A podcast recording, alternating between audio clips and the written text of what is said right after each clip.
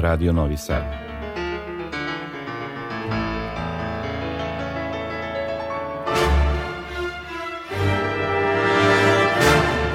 Domaća muzička scena.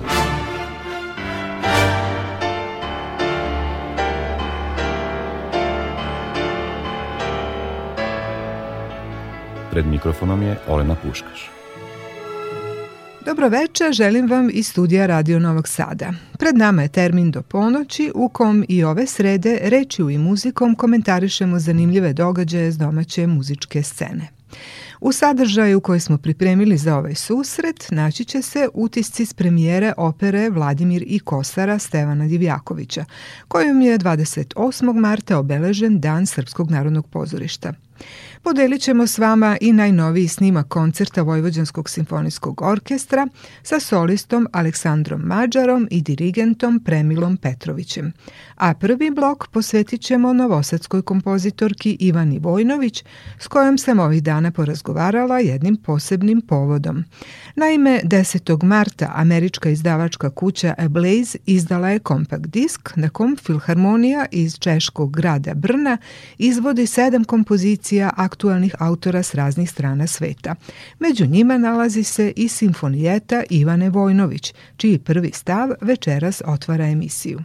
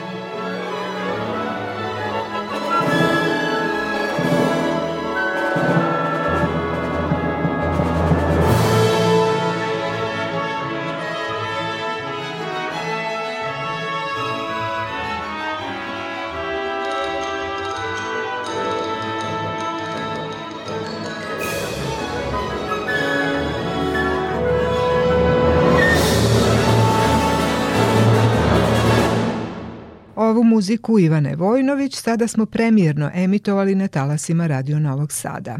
Ona je snimljena na CD-u američke izdavačke kuće Ablaze, a to svakako znači da će rad ove novosadske umetnice na reprezentativan način dopreti u međunarodne krugove.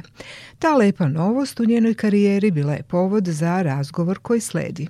Ja koristim ovu priliku da vam sada ovako javno i od srca čestitam na tom uspehu i da e, sada od vas čujemo sve okolnosti i detalje kako je do toga došlo.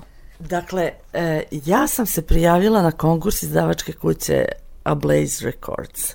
Ušla sam prosto na Composer site. Na kompozitoru tražila konkursa šta je ovako bi bilo interesantno, eventualno našla to Zašto baš to? Zato što sam htela da uh, svoju orkestarske kompozicije negde plasiram. Jer ja, mislim, moram da kažem jednu onako malo neprijatnu činjenicu, a to je da prosto naš orkestar Vojvođanska filharmonija, ja to razumem, znači jednostavno teško je doći do njih i teško je prosto uh, uh, imati prilike da vam oni nešto odsviraju.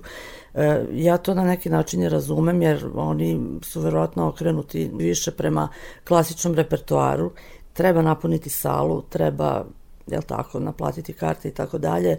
Uglavnom, e, to je bio prosto neka moja želja da mi se negde neka orkestarska kompozicija odsvira. I onda sam, eto, našla taj konkurs, e, prijavila se i na moje čak i prijatno iznenađenje prošla iz, iz prvog pokušaja. To je zapravo konkurs, e, da kažem, znači, za snimanja.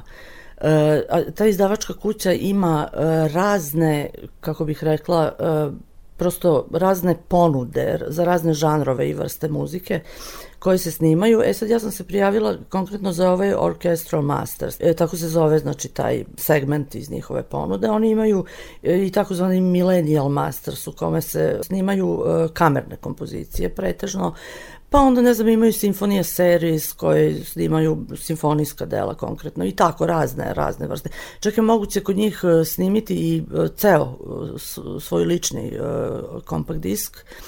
E, tako da, eto, ja sam se prijavila na to prošla. E, trebalo je e, da se sve to odvije bez ovog znaka korone u kome smo već dve godine. E, Snimanje je u Brnu svake godine, znači to radi Brno, Brno Filharmonija e, sa dirigentom iz Britanije Mikel Thompson.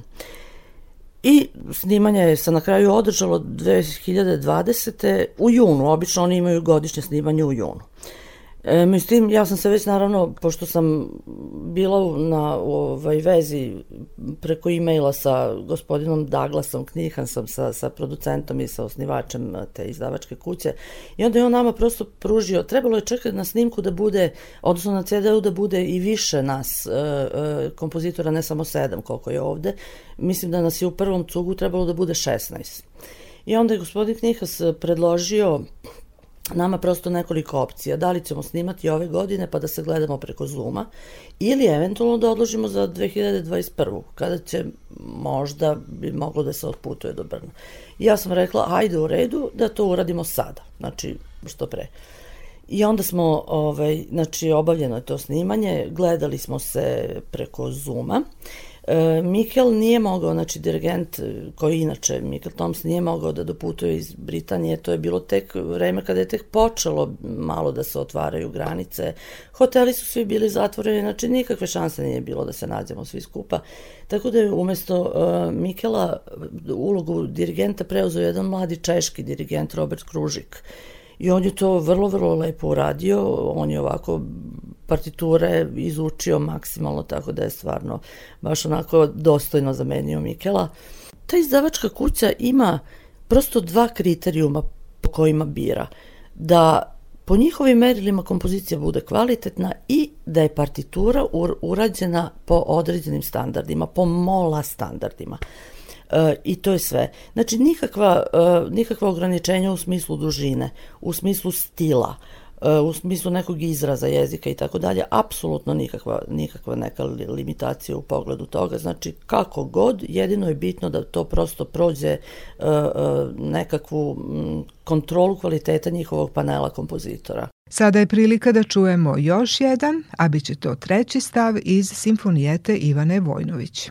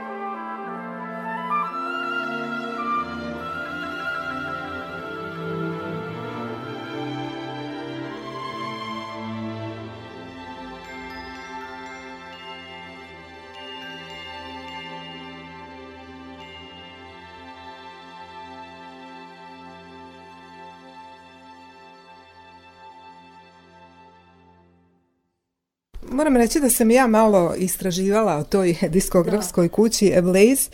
Uh, disk je inače izašao vrlo skoro, još je vruć, 10. Vruć, 10. marta se pojavio. Uh, oni inače ističu da su posvećeni isključivo savremenim autorima iz celog sveta yes. i znači bave se tom, uh, tom vrstom muzike i vrlo mnogo pažnje posvećuju najboljem zvuku i distribuciji. U tu svrhu, kažu, udružili su se sa najboljim e, inženjerima zvuka i producentima koji su čak dobili i Grammy nagrade. I zato mene sad interesuje, pošto ste kontaktirali u vreme korone preko Zuma, znači preko interneta, niste imali priliku da uživo čujete te probe i pripreme, kako ste zadovoljni rezultatom kada ste dobili CD u ruke i kada ste ga prvi put poslušali?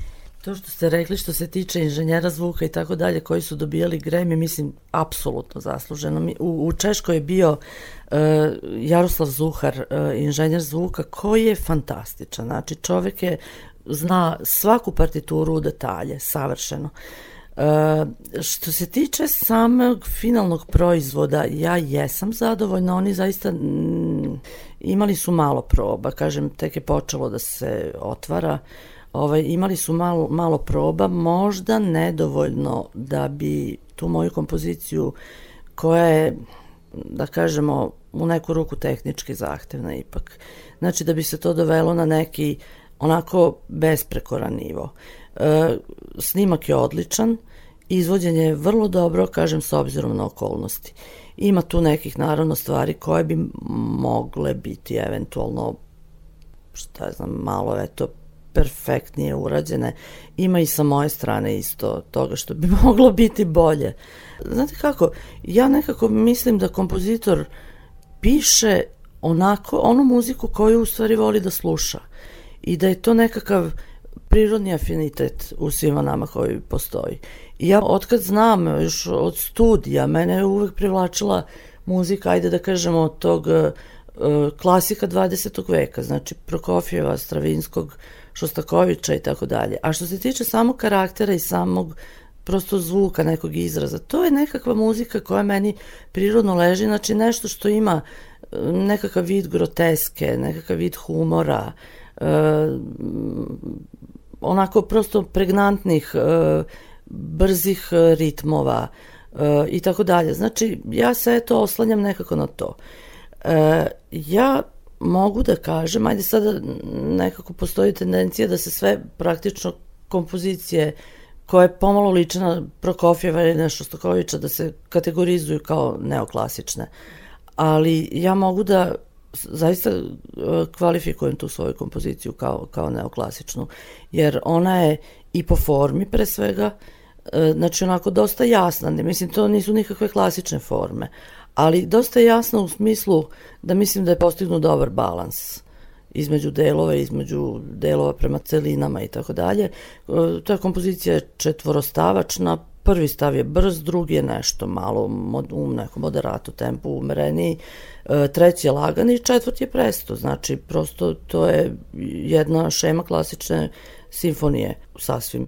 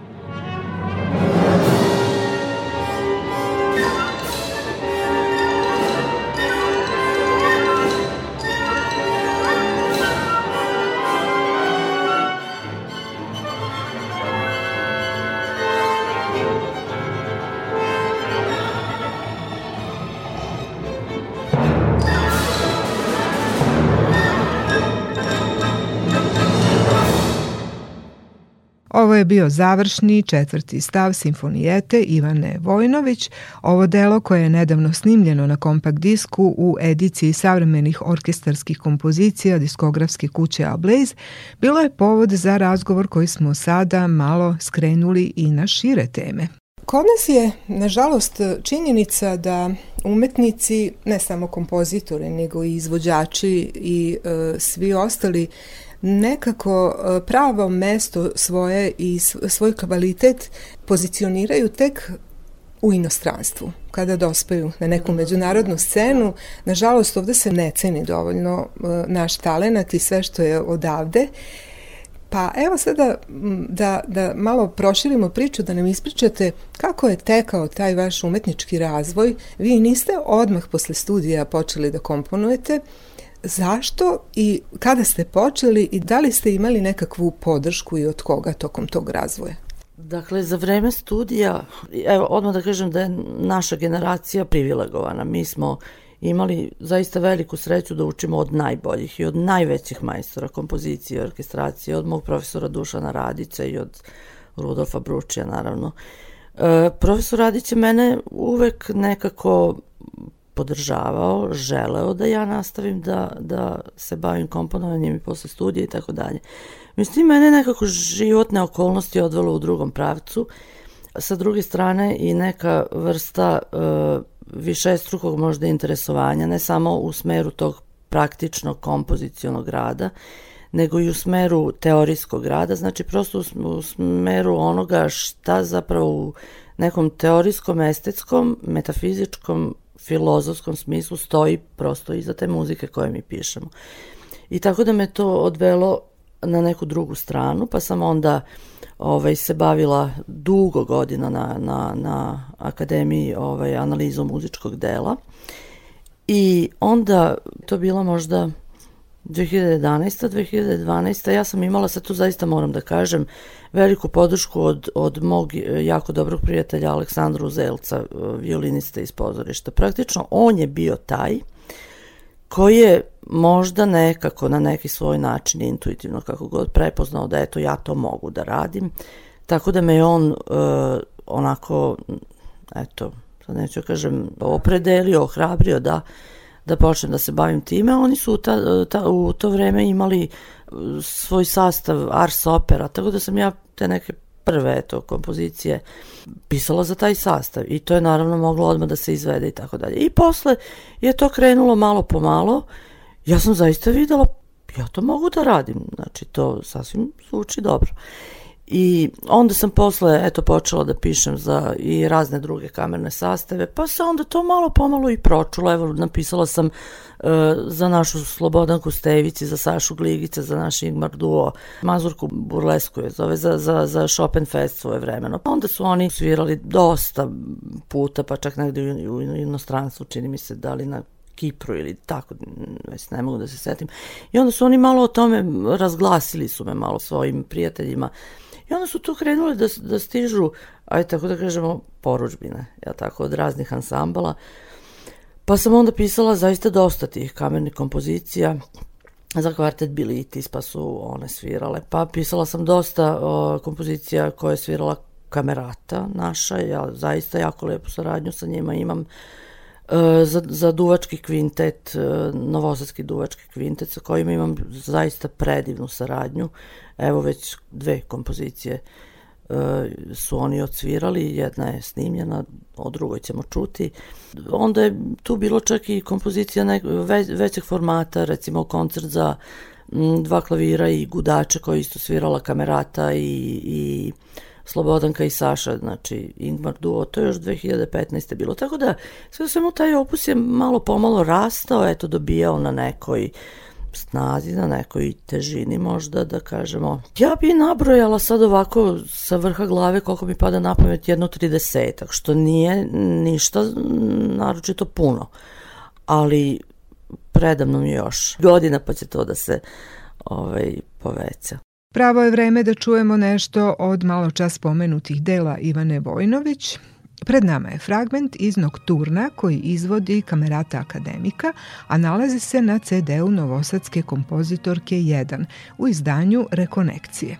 Pre muzike samo ću dodati da ovo udruženje na čelu sa Verom Kopicl uz urednički izbor Branke Parlić i podršku Fondacije Evropske prestonice kulture za juni mesec priprema novi program u kom će se naći još jedna nova klavirska kompozicija Ivane Vojnović inspirisana Novim Sadom.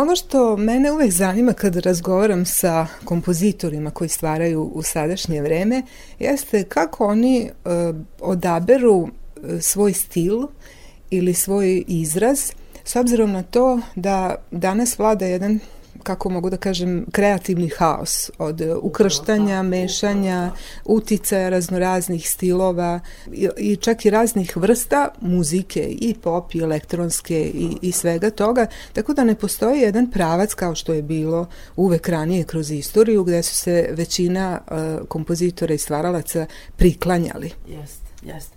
Ja mislim da smo mi sad otvorili u stvari jedno ve veliko pitanje, pitanje ljudske slobode generalno. Jer zaista što kažete u tom kreativnom haosu, ja se bojim da to nije sasvim dobro.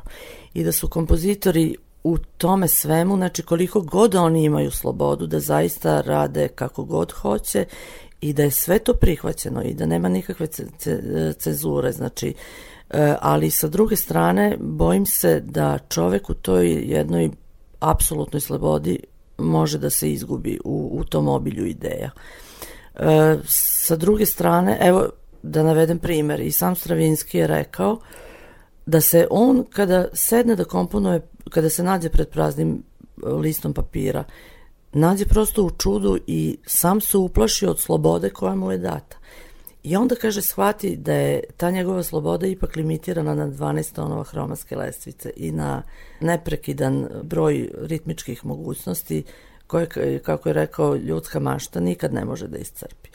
Znači, praktično nama ipak treba neki spoljni limit, znači prosto neke koordinate kojima bismo se kretali. E sad vidjet ćemo, ja mislim da bih ja u stvari trebalo da se odvažim i da iz to, svog tog nekog neoklasičnog manira, neću da kažem stila, nego prosto ličnog nekog rukopisa, da se odvažim i da krenem u malo neke eksperimentalnije vode. Moje kompozicije se dotiču tonalnosti i one u, u, u svojoj podlozi imaju neku onako krajnje proširenu tonalnost. E recimo da potpuno napustim to.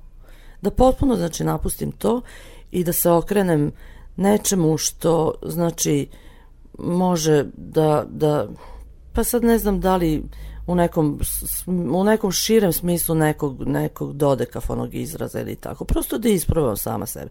Ja sam u stvari to i probala na, u jednom baš od tih mojih duvačkih kvinteta i mogu da kažem da sam došla do jednog onako za, za mene paradoksalnog zaključka. Da zapravo takve kompozicije je meni lično lakše da pišem E, zašto? Pa zato što tu postoji, tu u stvari nemate hijerarhiju, nemate hijerarhiju u tenziji, ne, ne, ne postoji tonalni centar, znači ne postoji, ne postoji prosto, kako da kaže, hijerarhija između tonova. Svi su tonovi po demokratskom principu isti. Svaki je ravnopravan. E, tako da to na neki način treba da se izbegne, da se dobije jedan unificirani zvuk. Znači, unificirani zvuk u smislu da ne postoji tenzija i da nema opuštanja tenzija, a muzika se i bazira na tome u neku ruku, znači na stvaranju, kreiranju tenzije i na opuštanju tenzije. I onda, da bi se to dobilo, onda znači mora čovek da upotrebi neke sasvim druge komponente, kao što je recimo faktorna komponenta, kao što je ritmička komponenta, znači prosto da bi dobio taj efekt koji inače daje uh, tonalni sistem. Eto tako slušajući razne, razne kompozicije po YouTube, tako istražujući, isto imam neki utisak da možda kompozicije koje, koje nisu, kao što kaže Leonard Bernstein, tonalne, utemeljene u zemlju, u alikotnom nizu, da možda malo gube na kako bih rekla, individualnosti, znači prosto na nekoj uh, autentičnosti ličnoj. Malo nekako počinje da sve liči jedno na drugo. Kao kad bi gledala sliku koja je abstraktna, ali koja je nefiguralna. Kako ću ja sada da raspoznam ukoliko zaista nisam upoznata sa ovaj konkretnim slikarom njegovim njegovim načinom i tako dalje. Kako ću u, u, u gomili kvadrata, krugova, trouglova, kako ću da raspoznam ko je ko? Tu ćemo predahnuti da čujemo jedan stav iz duvačkog kvinteta Ivane Vojnović u izvođenju Novosadskog duvačkog kvinteta.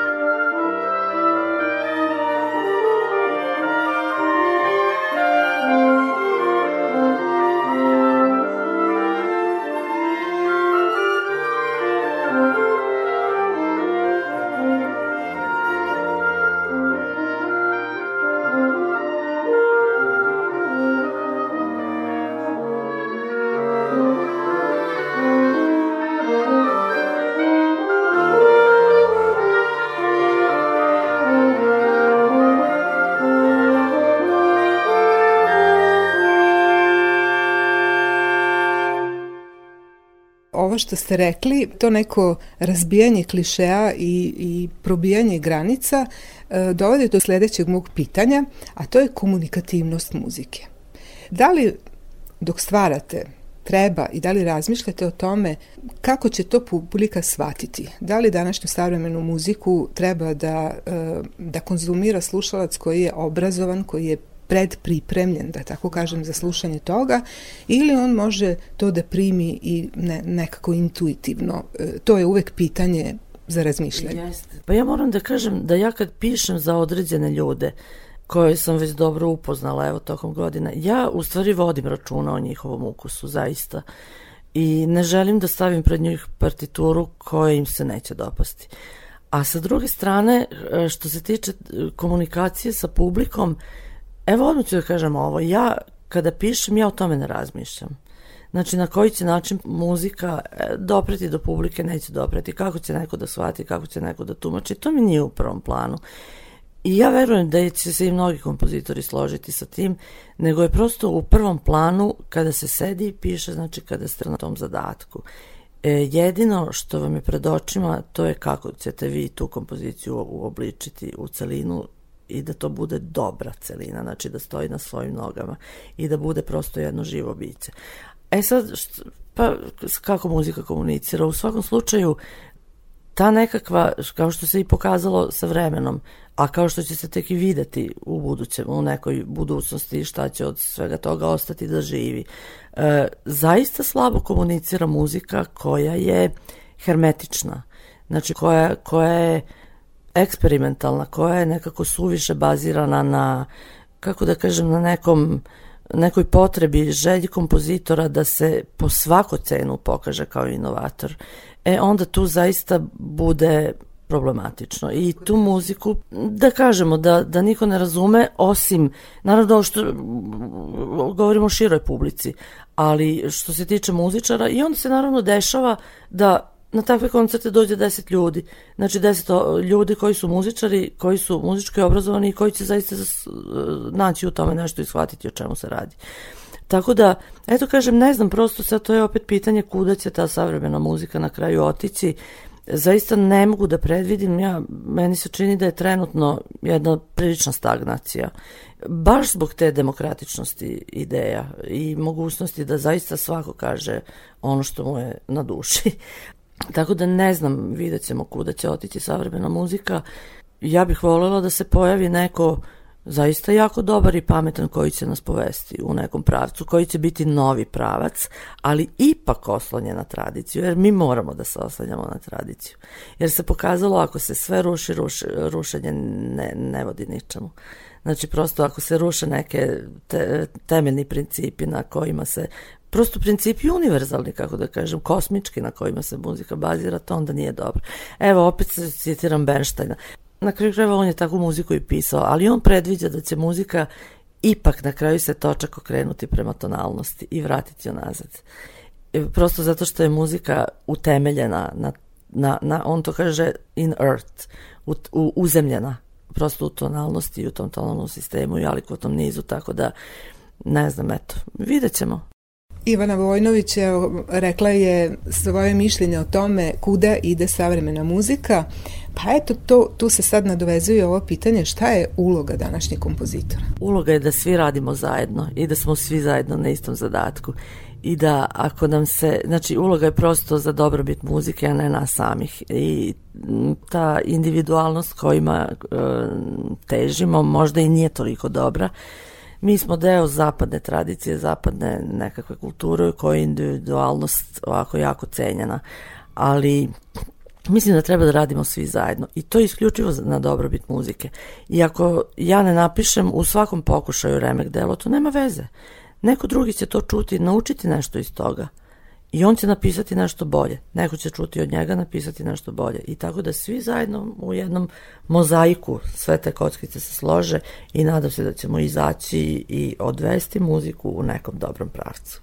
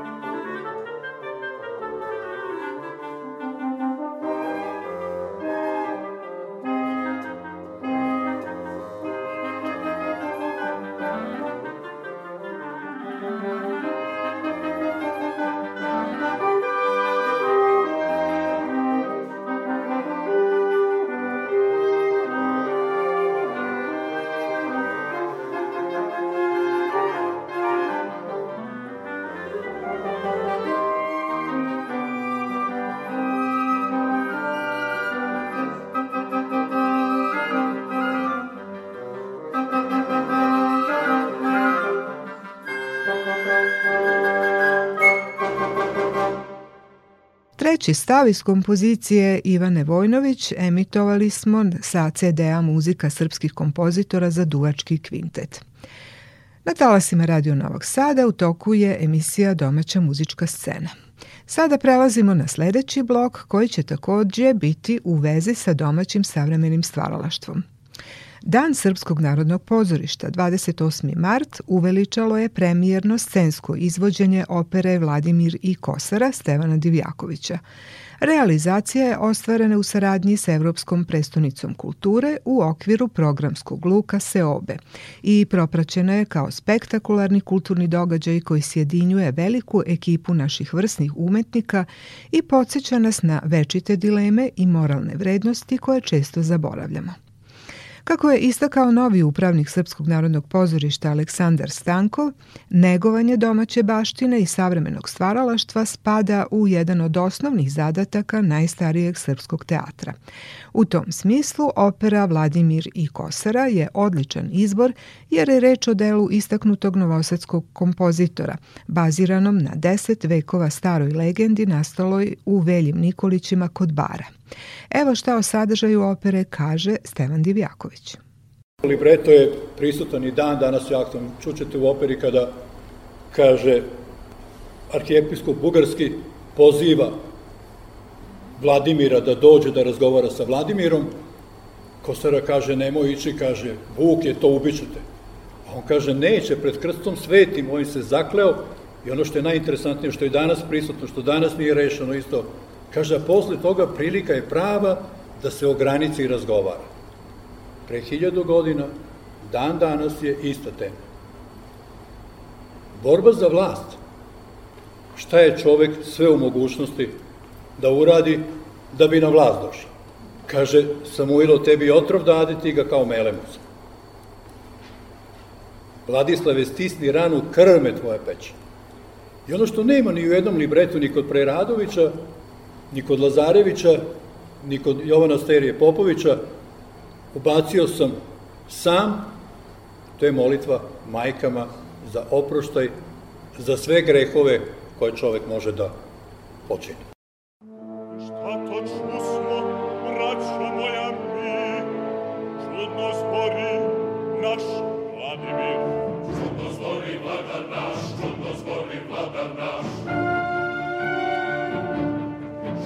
čusmo, braćo mi, šta to čusmo, braćo mi, čudno zbori vlada.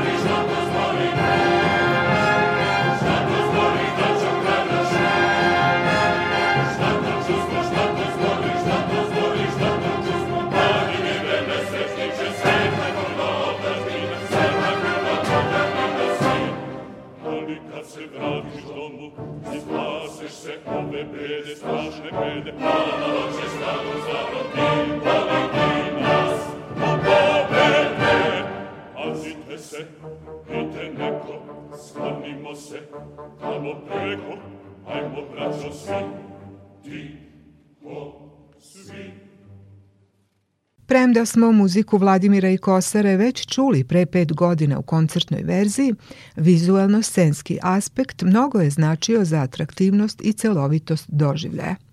Maštoviti i iskusan reditelj Aleksandar Nikolić bazirao je svoju postavku na preplitanju realnosti i košmarnih snova, pomno prateći muziku koja uprko surovoj priči o izdaji i borbi za vlast, teče u izrazitoj liričnosti i prozračnoj arhaičnim sazvučjima obojenoj orkestraciji koja obavija folklorne melodije.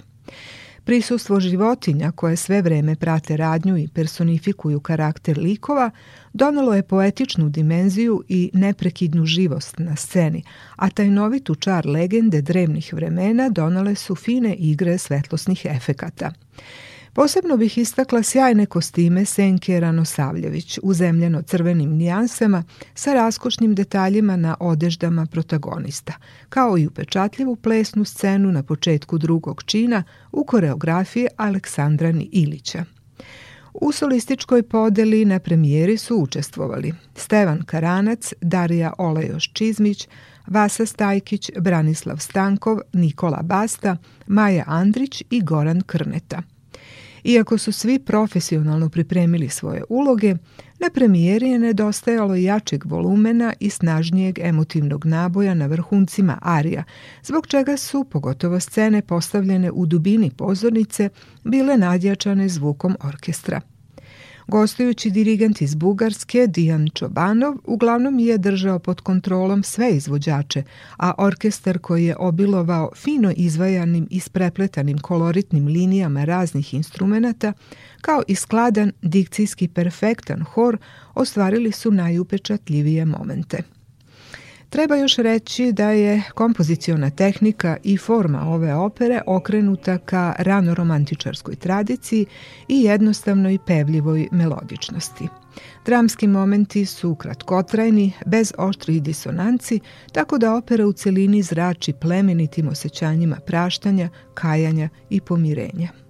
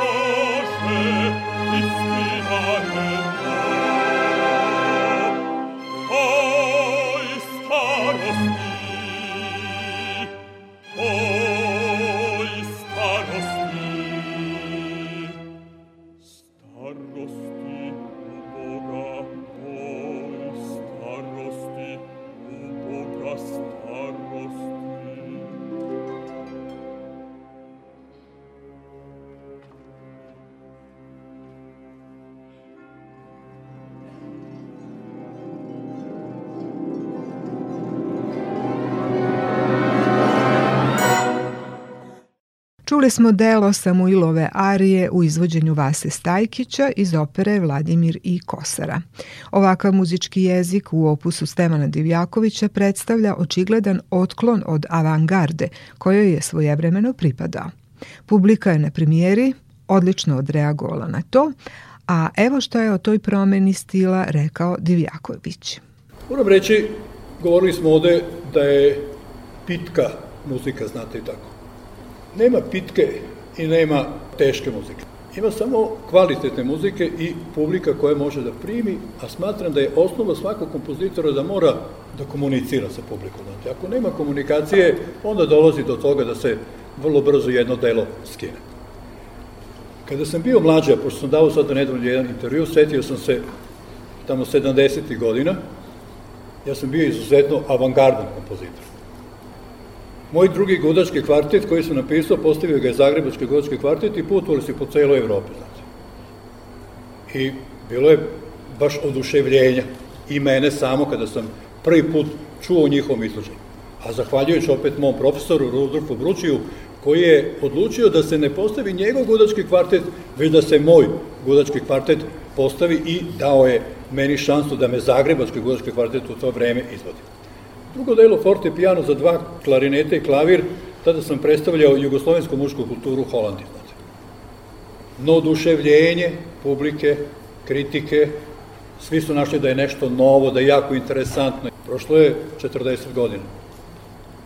Ja sam to jedno i drugo delo izbacio iz svog opusa. Ono nema publiku, nema komunikaciju.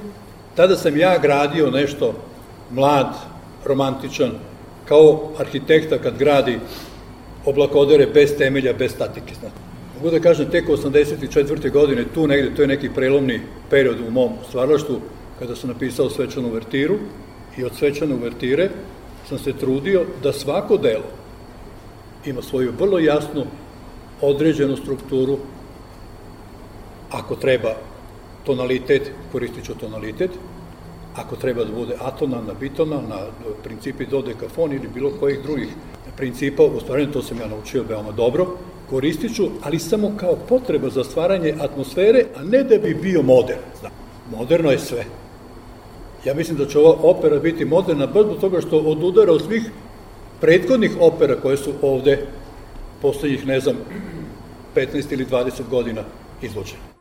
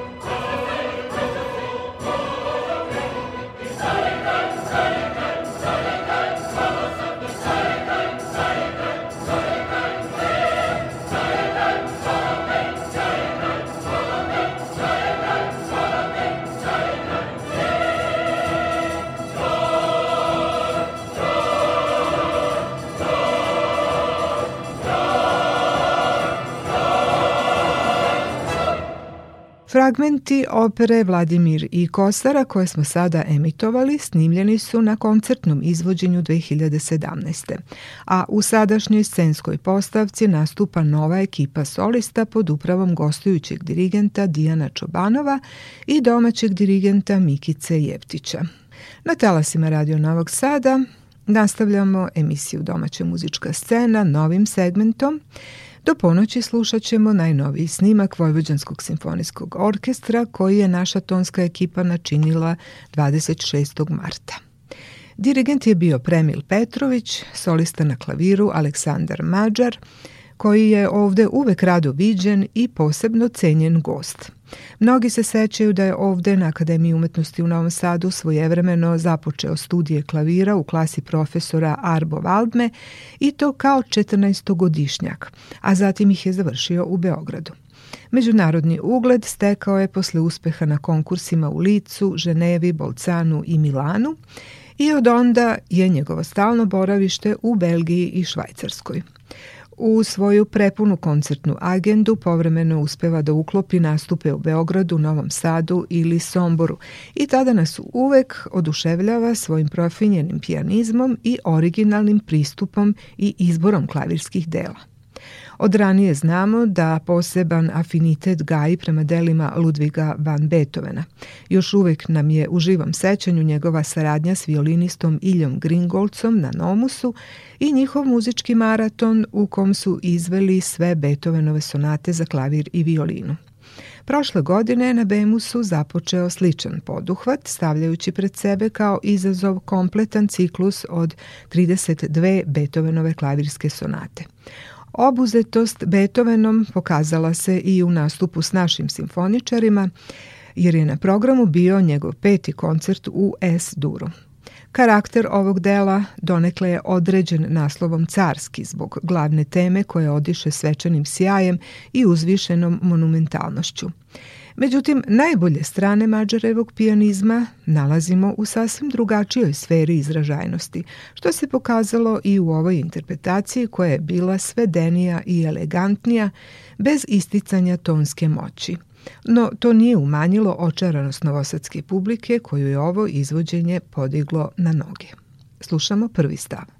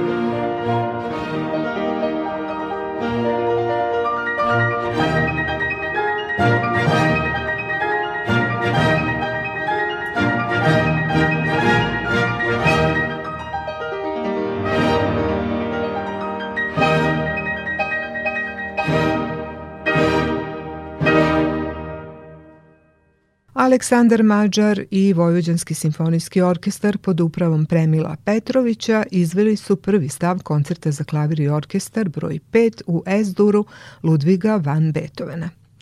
Ako je ovde izostao očekivani efekat moći i samouverene robustne snage klavirskog parta, lagani drugi stav je mnogo više u skladu s Mađarovom unutrašnjom osjećajnošću i zato vas sada prepuštam nastavku izvođenja snimljenog 26. marta u sinagogi.